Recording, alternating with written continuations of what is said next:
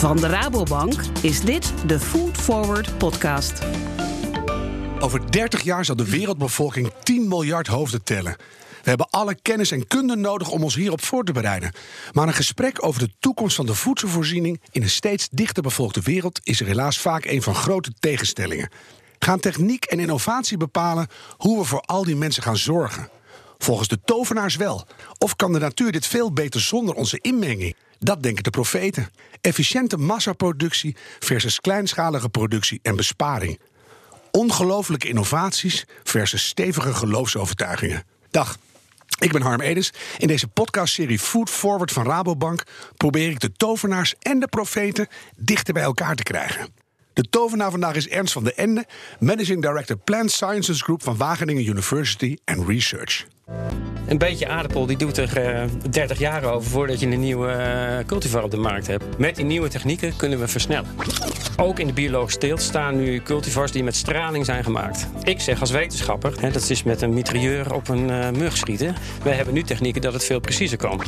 En de profeet is Mirjam van Bree, manager kennis en innovatie van Bionext, een Nederlandse ketenorganisatie van biologische landbouw en voeding. De biologische sector redeneert vanuit de integriteit van de plant. Je wilt niet dat je daarin actief knipt en plakt om een nieuwe plant te maken. De natuur die is zo ingewikkeld nu dat we nog maar de helft begrijpen. En het zeggen dat je precies weet wat je aan het doen bent als je aan het knippen bent, dat is niet waardig. Er zijn altijd allerlei neveneffecten. Ze weten allebei alles van plantveredelingstechnieken. We hebben een heel andere kijk op de toekomst van de akkerbouw. Allebei welkom. Ernst, je hebt een hele akkerbouwvriendelijke blouse aan. Waarom? Uh, ik hou heel erg van bloemen. Dus, uh, en bloemen zijn eigenlijk geen akkerbouw, maar tuinbouw. Dan hebben we, uh, maar ik heb er altijd bloemetjesblouse aan. Daar word ik zelf vrolijk van, daar wordt mijn omgeving ook vrolijk van. Mirjam, jij, je bent gewoon lekker natuurvriendelijk onopvallend gekleed in boswachtergroen. Het, het hogere doel is bij jullie allebei hetzelfde, klopt dat? Ik denk uiteindelijk wel. Je wilt naar een wereld waar iedereen te eten heeft. Ja, over 30 jaar 10 miljard monden voeden. Ernst, maak je daar zorgen om? Ja, daar maak ik me wel zorgen over. En het gaat eigenlijk voor mij niet zozeer om die 10 miljard. Het gaat er veel meer om dat uh, die 10 miljard een bepaalde type consumptie uh, gaan hanteren. En hoe meer de economie vooruit gaat, wat we eigenlijk om ons heen zien, hoe meer vlees er gegeten wordt, hoe meer overconsumptie er is. Dus het is niet alleen het nummer. Het nummer vind ik niet zo interessant, die 10 mm. miljard. Maar het feit dat we eigenlijk naar een overconsumptie gaan en naar meer vlees eten, dat geeft een enorme druk op het plantaardig productiesysteem. Ja, zullen we die druk uh, natuurlijk zo meteen even stapsgewijs bij de langs gaan? waar dat allemaal uit bestaat en wat we eraan doen moeten. Zullen we even vooruitspringen naar het jaar 2050? Ja. Kun je eens even jouw ideale landbouwsector in zoveel mogelijk geuren en kleuren beschrijven? Ja, nou, mijn ideale landbouwsector is natuurlijk wel een sector die uiteindelijk de wereld voedt. Uh, op een manier die geen schade doet aan de omgeving. Uh, waarbij je dus uh, ervoor zorgt dat de biodiversiteit die we hier hebben op deze aarde niet verder achteruit gaat.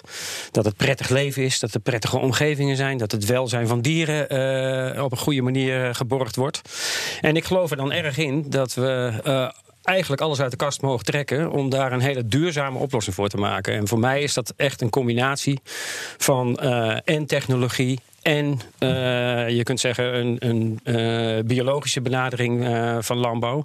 En daar niet al te dogmatisch in zijn. En dus een brug te slaan naar elkaar. En ja. dat zou voor mij de ideale vorm zijn. Mm -hmm. Ik zag Mirjam toch even fronsen bij alles uit de kast trekken. Maar nu mag jij, Mirjam. Ja. Het is het jaar 2050 en jij bent bij een boer op bezoek. En hoe ziet het bedrijf eruit en wat verbouwt Sietse Ploegsma in 2050? Sietse Ploegsma verbouwt biologisch. Dus je verbouwt zonder bestrijdingsmiddelen, zonder kunstmest. Heel erg in samenhang met de natuur. Heeft een enorme diversiteit aan uh, planten staan. Want de meeste mensen eten plantaardig. En uh, hij zet ook voornamelijk lokaal af. Dus dicht in de buurt wordt, wordt zijn, uh, worden zijn producten verkocht. Mm -hmm. Nou, we hadden het net al een klein beetje over de grootste bedreigingen die kant op. Is dat alleen maar dat de vleesconsumptie toeneemt of zijn er nog andere gevaren? Nou, er zijn denk ik heel veel bedreigingen. En, uh, kun, je, kun, je, de top 5 nou, opnoemen? klimaatverandering. Hè, mm -hmm. Dus het wordt moeilijker om in grote gebieden de teelt voor elkaar te boksen. Denk aan bodemverarming. denk aan verstedelijking, waardoor eigenlijk hele goede gebieden voor landbouw verloren gaan. Denk aan minder soorten gewassen, dus minder diversiteit. Waardoor het ook lastiger wordt om goed te produceren op specifieke plekken. Ja, en ook nog weer door de hitte, los van de droogte, kunnen ook heel veel andere gewassen niet meer. Ja, klopt. Dus het wordt eigenlijk allemaal onder druk en minder, minder, minder. Dat klinkt wel heel negatief, Ja, maar, het is wel, dat- eh, een lekker wel een plaatje om mee te uitdaging. beginnen. Ja. Nou, weet je, het- dit heeft ook echt, helemaal in het begin hadden we iets over consumptie. Het heeft ook wat mij betreft echt te maken met zodra mensen het goed krijgen, gaan ze eigenlijk te veel eten. Eh, kort door de bocht. Ja. Je hebt prachtig, nu- je hebt een prachtig fotoboek hè, waarbij uh, dan de consumptie van een Amerikaans gezin ten opzichte van een, uh, de consumptie van een gezin uit Senegal. Ja. En dan zie je eigenlijk het grote probleem dat we. Uh, meer problemen hebben met overconsumptie dan bijvoorbeeld met honger. Mensen realiseren zich dat helemaal niet. Vanochtend was het in het nieuws: hè, uh, 880 miljoen mensen lijden aan honger. Wat verschrikkelijk is. En daar willen we wat aan doen. Ja. Maar En 2,1 1,2 miljard hebben obesitas. Precies. Dat is in- wat een wereld, hè? Ja, nou, en het is ook die mensen die honger hebben, die hebben geen honger omdat er geen voedsel is. Die hebben honger omdat er oorlog is en ze geen toegang tot voedsel hebben. ook Dus ze hebben weer. geen geld om het te kopen of de oogst is mislukt. Ja. Maar het is niet dat het niet aanwezig is. Ja, het zijn allemaal van enorme realisaties die er bij mij weer eens in knallen. Hoor. Je weet het wel, maar dan vertel je het weer zo helder. En denk je, oh ja, zo staat Ja, wat een beetje in jouw inleiding, dat, dat wil ik eigenlijk nog wel tegen je aanleggen. Mhm. Eh, In je inleiding schetste je een beetje van, nou ja, de grote massaproductie, eh, gaan we daar naartoe. Maar je moet je goed realiseren dat, dat rond de 85% van de wereldvoedselvoorziening komt van kleine boeren af. Ja, En eh, dat zijn de boeren in Azië en in Afrika. En daar ligt eigenlijk de immens grote opgave om die groeiende populaties te voeden. De groei van de wereldbevolking zal in Afrika en in Azië zijn. En eigenlijk zit daar de grootste eh, druk om eh, goed na te denken over hoe je dat op een goede manier vorm kan geven. en dat gaan we nu doen. En, en dan wil ik eerst eens aan jou als directeur van de Plant Science Group... eh, jou, jouw enthousiasme testen over genetische modificatie. Want dat vind jij een goede oplossing. Ik vind het een, een goede deeloplossing. Er is geen gouden eh, oplossing. Dus je moet goed zoeken naar de mogelijkheden om dingen te combineren. Ehm, jij noemt het ge- genetische modificatie. Nou, daarvan wil ik wel zeggen, dat doen we al 10.000 jaar. Eh, we zijn aan het kruisen, we zijn aan het sele- selecteren. Elke vorm van landbouw is kunstmatig. Of je nou biologisch teelt of conventioneel teelt, het zijn kunstmatige vormen. En je hebt een systeem gecreëerd wat heel afhankelijk van de mens is. Maar dat klinkt als een enorme versluiering voor het feit dat er Nee. steeds verdergaande ingrepen zijn. Nee, ik vind dat we juist eh, steeds gerichter gaan ingrijpen. Mhm. Eh, en dat we eigenlijk processen aan het eh, simuleren zijn die ook in de natuur eh, plaatsvinden. En eh, genetische veranderingen treden gewoon in de natuur op onder invloed van zonlicht of onder, dat, dat noem je mutaties. En we hebben nu technieken voorhanden dat we heel gericht een mutatie kunnen aanbrengen in eh, plantmateriaal. Gaan we straks dieper op in. Ik wil eerst weten, stel dat gaan we allemaal doen. Wat kan het oplossen in dat hele voedselvraagstuk? Nou, het kan denk ik voor een deel. Hè. Eh, Ik gaf net al aan, dat wil ik nog maar een keer benadrukken. Het is een deel van de oplossing. Ehm, en eh, wat het zeker kan oplossen, is dat het eh, de veredeling gaat versnellen. En als je praat over. ehm, als je praat over de grote uitdagingen, dan zie je dat eh, we hadden het net over bestrijdingsmiddelen of we hadden het net over kunstmest. Dat wil je eigenlijk niet gebruiken. Dat geldt overigens ook voor de biologische teelt. Er worden ook bestrijdingsmiddelen gebruikt, maar dan biologische bestrijdingsmiddelen. Zou je ook liever niet willen gebruiken in een aantal gevallen. Dan kun je resistenties intelen. Maar dat kost heel veel tijd. Een beetje aardappel die doet er eh 30 jaar over voordat je een nieuwe eh, cultivar op de markt hebt. Ja. Met die nieuwe technieken kunnen we versnellen. En ik denk dat de urgentie zo hoog is nu. Hè, We willen eigenlijk binnen 10 jaar pesticidenvrij zijn. We Ja, dus het gif kan eruit. Ja. Je kan bepaalde andere invloeden, de, minder water voor rijst, heb ik wel eens gehoord. En al dat soort dingen kan je, dan heb je de kennis. En dan kan je dan vrij snel binnen één generatie zeggen: Oké, we hebben het. Ja, dat geldt niet voor alle gewassen, maar in principe kun je wel algemeen zeggen: het versnelt. Ja, Mirjam, het lijken mij eh steengoede argumenten van Ernst. Of durf jij te beweren dat een organische aanpak hetzelfde resultaat kan halen? Nou, wat je ziet is dat wat, eh, wat Ernst vertelt over wat de eh, Gentech ons allemaal kan brengen. Dat zijn dezelfde verhalen als die we een aantal jaren eerder gehoord. Die de Gentech ons zou brengen. Nou, die heeft ons niks gebracht. Dus die heeft ons eh, gewassen gebracht die resistent zijn nu voor bepaalde eh, onkruiden. En de bestrijdingsmiddelen werken ook niet meer. Dus daar zit je niet op te wachten. Je zit op een oplossing te wachten die echt samen met de natuur kijkt. En de natuur die is zo ingewikkeld nu dat we nog maar de helft begrijpen. En het zeggen dat je precies weet wat je aan het doen bent als je aan het knippen bent, dat is niet waardig. Er zijn altijd allerlei neveneffecten. En juist door. Ja, noem, eens, kijken- noem eens één neveneffect waarvan je zegt: Kijk, dan wordt er geknipt. Gaan we zo uitleggen wat er dan geknipt wordt. Maar, en, en dan krijgen we dat. Nou, stel dat je één gen uitzet, bijvoorbeeld dat die betere bestand is tegen droogte. Ja. Dan krijg je dat, dat op datzelfde gen zitten dan nog andere eigenschappen.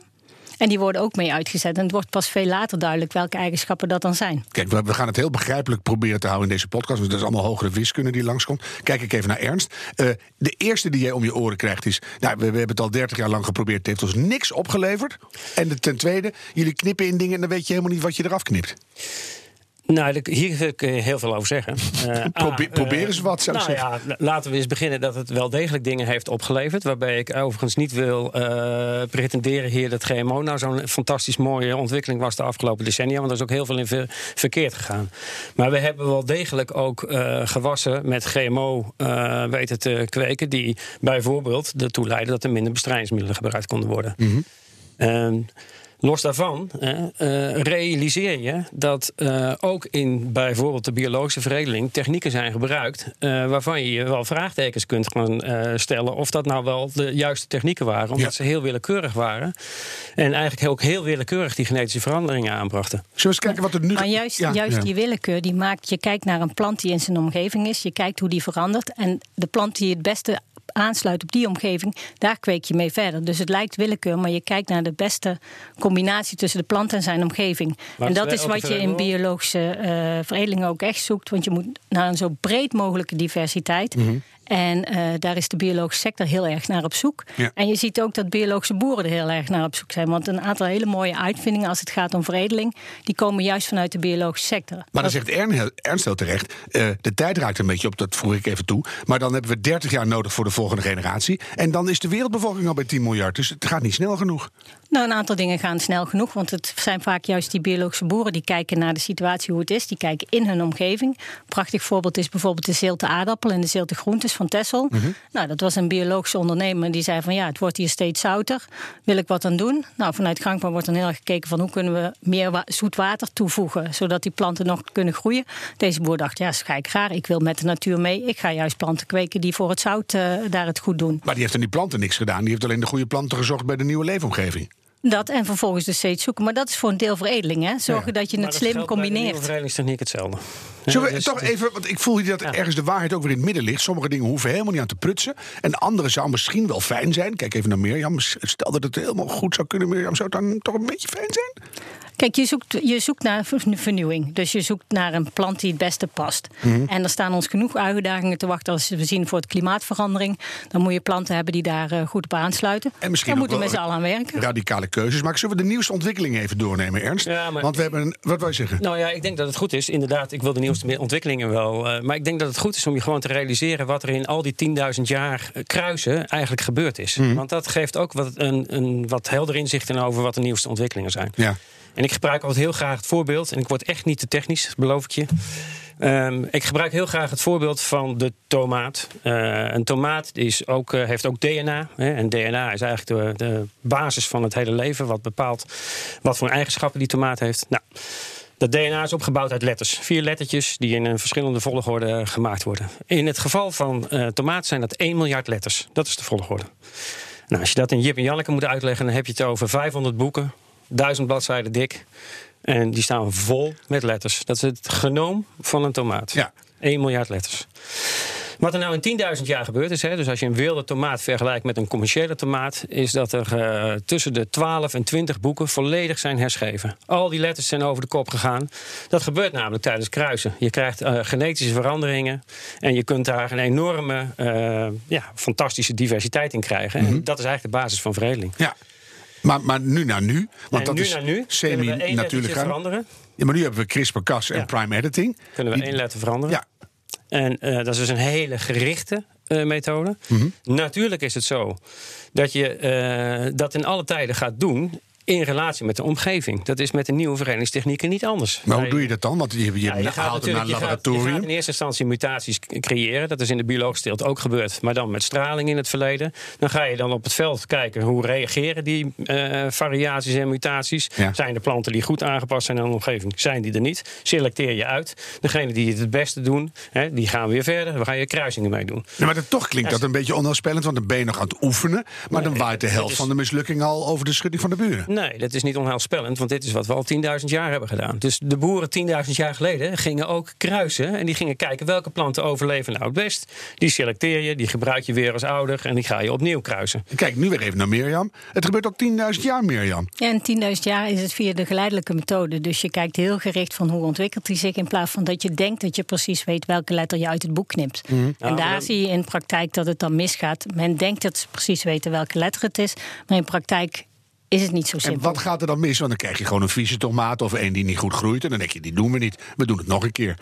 Nou, dat zou een ideale zijn, hè, dat je dan nog een keer doet. Maar wat je in praktijk ziet, is dat je dus effect hebt waar je niet op gerekend hebt, waardoor je dus ehm, bijvoorbeeld meer ziektes krijgt. En het tweede effect is dat al deze technieken ook met patenten te maken hebben, waardoor dan vervolgens die eigenschap ook weer van een bepaald bedrijf is geworden. Die moeten we even onthouden. Daar moeten we het zeker Ja, over hebben. absoluut. Maar eh, waar zit nou jouw grootste bezwaar? Hè, want stel dat je nou vanuit 10.000 jaar geleidelijke ontwikkeling dingen kan leren, waardoor we dat nu gewoon in twee jaar kunnen. Denk ik, ja, zo werkt wetenschappen. Vroeger lieten we ook eh, gewoon allerlei andere dingen eh, eh, ontwikkelen. Nu hebben we vaccins en andere, waardoor dat ook veel sneller kan. Eh, waar zit dan de grootste angst van? Eh, is, is het eh, dat je bang bent dat het niet gezond wordt? Toch, ook al weten we dat niet? Of eh, is het onduidelijk wat de, het effect op de biodiversiteit is, bijvoorbeeld? Of andere dingen? Bij, vanuit de biologische sector is het heel helder. De biologische sector redeneert vanuit, dat, klinkt een beetje filosofisch, de integriteit van de plant. Mhm. Je wilt niet dat je daarin actief knipt en plakt om een nieuwe plant te maken. Dat is meer een soort e- echt principe Ja. dan dat je daar, daar hele concrete angsten voor Nee, hebt. daar zit duidelijk het principe. Ja. Dus, en vervolgens, eh, als je gaat over de, de lange termijn effecten, dan zie je dat eh, met de nieuwe technieken die er nu voor liggen, dat daar nog relatief weinig lange termijn onderzoek naar gedaan is. En dat dat eerst nodig zou moeten zijn voordat het geïntroduceerd kan worden. En dan wordt het geïntroduceerd in de rest van de maatschappij. Bio die kiest voor keuzevrijheid, die wil het niet gebruiken. Ja, en zou het, zou het helpen als er wat langer eh, wetenschappelijke data binnenkwamen... dat je zegt van nou, het is veilig, eh, dat jullie het dan wel accepteren? Of is het gewoon, in principe komen wij niet aan de plan, punt, whatever happens. Dat is bij de biologische sector het uitgangspunt. En bij jou?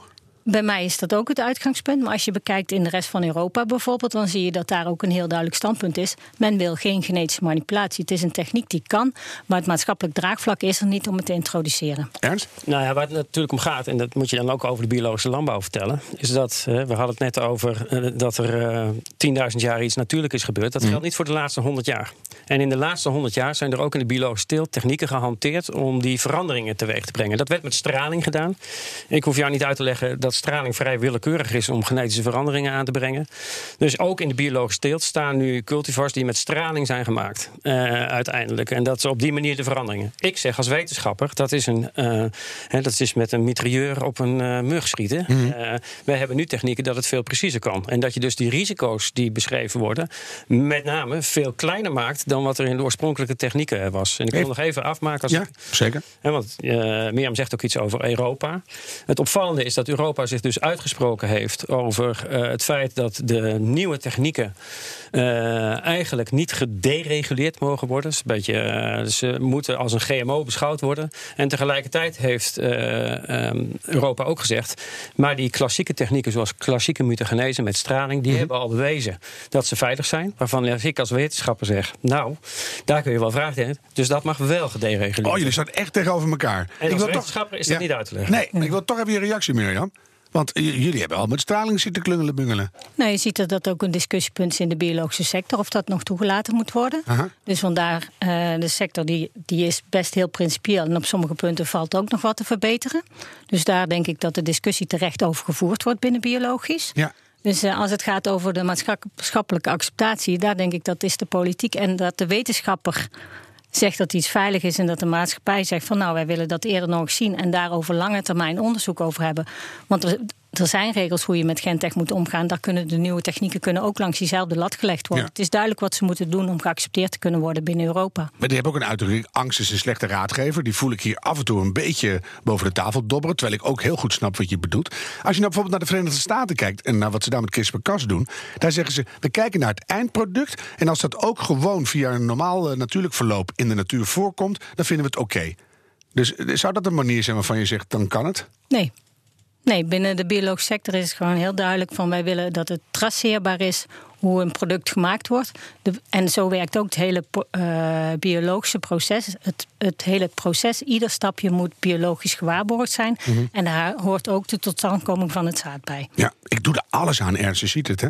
En nou zei je net, Mirjam, en dat vond ik wel een heel goed argument. En ben ik benieuwd wat Ernst daarvan vindt. Uh, als het dan iets uh, gemanipuleerd wordt aan die planten... en er komt iets goeds uit, of je dat nou wil of niet... maar dat, dat werkt, dan is dat vaak weer gepatenteerd... en dan is het weer van Monsanto of van een groot bedrijf. En daar gaan we weer met de eerlijke verdeling... van een nieuwe wereld die we met z'n allen willen maken. Daar, daar, daar, worden jullie ook uh, verdrietig van? Ja, daar worden we heel verdrietig van. En niet alleen wij, heel veel andere partijen ook. -huh. Wie dan bijvoorbeeld? Daar worden de boeren ongelukkig van. Daar worden heel veel uh, milieuorganisaties ongelukkig van. En heel veel kleine veredelaars. Ja, en dan kijk ik weer even naar Ernst. Nou ja, het, het goede nieuws is dan, wat mij betreft, dat deze nieuwe technieken nou juist uh, ook uh, tot een beschikking, als ze gedereguleerd zouden zijn, tot beschikking komen van de kleine veredelaars. En dit argument hoor ik heel vaak hè, van uh, patenten en we bevooroordelen de grote industrie. Nou, dat is eigenlijk een argument wat hier veel minder zou gelden. Omdat als deze techniek beschikbaar komt en we weten het op een goede manier te dereguleren, net zoals die klassieke mutagenese even als voorbeeld, ja. dan komen juist die kleine veredelingsbedrijven in, uh, die worden in staat om dit te gaan gebruiken. Want het is een relatief goedkope techniek. En daarmee kunnen ze dat machtsblok van de grote industrie doorbreken. Ik kijk weer even blij naar Mirjam. Ja. Want dit moet toch een opening zijn, Mirjam. Waar je zegt, daar word ik toch een klein beetje blij van. Nee, ik denk dat dit uh, uh, een logisch argument is vanuit de wetenschapper. Maar wat je ziet in de praktijk is dat de argumenten, zeg maar de patenten, die zitten niet op het proces, die zitten op het eindproduct. En daarmee, wie doen dat als eerste? Dat zijn de grote bedrijven. En als er eenmaal een patent op zit, nee, dan kom je er als klein bedrijf niet bij. Alle nieuwe dingen gaat geen patent meer op en iedereen mag ze hebben. We doen even helemaal open source en iedereen nou, blij en snel naar een nieuwe wereld. Zegt, want er is, dat is vrij recent. Hè. We hebben het nou de hele tijd over CRISPR-Cas, maar er is een grote publicatie verschenen in Science and Nature. Hè. Dat is dan voor wetenschappers is dat het, nou, dat is echt walhalla. Ja, om, uh, Paradise. Ja. En uh, daar wordt melding gemaakt van een nieuwe methode, die wordt prime editing genoemd. Die noemde ik net. Ja. En prime editing is het bijzondere ervan. En hoe dat gaat uitpakken, weet ik nog niet, want daar is nog onduidelijkheid over. Maar de vinders hebben daar gezegd: we gaan het patent vrijmaken. Ja. Want wij willen het ter beschikking stellen aan iedereen die het kan gebruiken. Dat is natuurlijk interessant. Uh, het moet nog blijken hoe dat verder gaat uitpakken. Maar ik vind het wel interessant dat de wetenschap die gaat voort. We weten ook uh, heel goed uh, wat we met de patenten wel en niet uh, zouden willen. Ja. En ik word natuurlijk hier nu vaak als één wetenschapper weggezet. Maar realiseer je dat de wetenschappelijke community wereldwijd. die vindt dit dus een hele goede technologie. Ja, als dat is geen werk meer natuurlijk, dat snap nou, ik. dat weet ik niet. Ik denk dat er, dat er breed een enorm draagvlak voor deze technologie is. Maar dan kijk ik maar weer naar Mirjam. Zou het dan in de toekomst misschien toch uh, kunnen dat er een innovatieve massaproductie aan de ene kant is en een organische kleinschalige, kleinschalige productie aan de andere kant? En onder welke voorwaarden zou dat kunnen? Ik vind het wel mooi dat je die twee als tegenover elkaar zet. Innovatieve massaproductie. Volgens mij is massaproductie per definitie niet, niet innovatief. Ja, maar die CRISPR-kassen er lustig op los. En prime editing. En het wordt steeds mooier en beter daar. En jullie doen ook je best. En zou dat naast elkaar kunnen? Ik denk dat het naast elkaar kan. Maar dan moet wel de garantie gegeven worden dat de biologische sector gentechvrij kan blijven. Dus maar hoe doe je dat? Want dan waait er weer wat door de lucht. En, en, nou, het eerste is dat het traceerbaar moet zijn. Dus mhm. dat het uh, vanaf het begin duidelijk is welke technieken gebruikt zijn. En welke zaden dus wel of niet beschikbaar zijn voor de biologische sector. Ja. En dus zodra het met enige vorm van gentech is, wordt het niet geaccepteerd in de biologische sector. Het moet duidelijk zijn dat boeren die uh, um, geen last hebben van hun buren. Dus en daar zou, juist omdat de technieken nu beginnen, het principe van de vervuiler betaalt heel goed uh, uh, ja, doorgewerkt moeten worden. Dus maak een fonds waar je allemaal geld in stort. Dat als ik als bioboer last heb van uh, overgewaaid zaad van mijn buren, dat ik niet mijn buren hoef aan te klagen, maar dat ik dat uit dat fonds kan krijgen. Hmm, klinkt dus, ingewikkeld, maar ja. Nee, het klinkt helemaal. Het klinkt misschien ingewikkeld, hmm. maar het is, het is niet zo ingewikkeld. Okay. Zorg voor voldoende bufferzones, zodat de kans op besmetting dat dat bij degene ligt die dat zaad gebruikt en niet bij de, bij de biologische nou ja, buurman. Of bij allebei, want jullie willen iets niet wat zij wel willen. Dus een goede buffers. Vind goede ik een goed idee. Ja. ja, en dan wel degene die het andere wil gebruiken. Dat vind ik ook logisch. En als laatste zorg dat het bij alle producten ook zichtbaar is in de winkel. Zodat mensen wat te kiezen hebben. En daar zie je ook echt wel, in Amerika bijvoorbeeld, waar Gentech al veel gebruikt wordt, zie je een enorme beweging van uh, Gentech-vrij voedsel. Tuurlijk. Bijvoorbeeld in Duitsland zie je nou steeds vaker de vlogmelk, heet dat dan. Dat is uh, melk van koeien die geen Gentech-voer gegeten hebben. Dus je ziet dat de maatschappij andere dingen vraagt. Ja, Nou, en, maatschappij maar vraagt meer. dubbel hè, dus ik- en, en dat vind ik ook wel belangrijk, om dat nog maar eens een keer even terug te gaan naar het probleem. Want waar hebben we nou eigenlijk over? We hebben het erover dat eh, we uiteindelijk met z'n allen willen telen. Hè, we willen voedsel telen op zo'n manier dat het duurzaam is. En dat, het, eh, dat de eh, omgeving niet negatieve invloed heeft van het feit dat je in het landbouwsysteem allerlei dingen doet. Ja.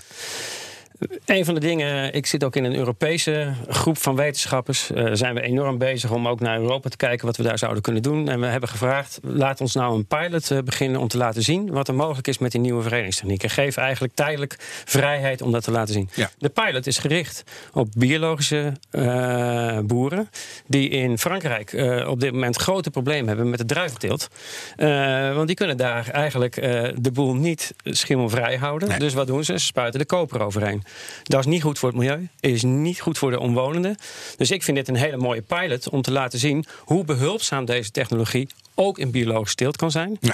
Dan stap ik, hè, en daar mag Mirjam alles van vinden, maar dan stap ik even over eh, het feit heen dat de biologische teelt niet met planten eh, Mag rommelen. eh, wil rommelen. Ik vind dat geen rommelen. Nee, maar dat goed, is, ik. Ja. Ja. en ik, ik zie dat als een Ja. oplossing voor de biologische teelt. Ja. En uiteindelijk ook als een oplossing voor het doel wat we zetten. En dan het laatste wat ik erover wil zeggen. Want je, jij zette net het heel erg tegenover elkaar. Hè? Massaproductie. En, eh, Hm. Weet je, beide vormen zijn hartstikke innovatief. Zowel de massaproductie kan heel innovatief zijn. Biologische boeren zijn ook heel innovatief. Ja.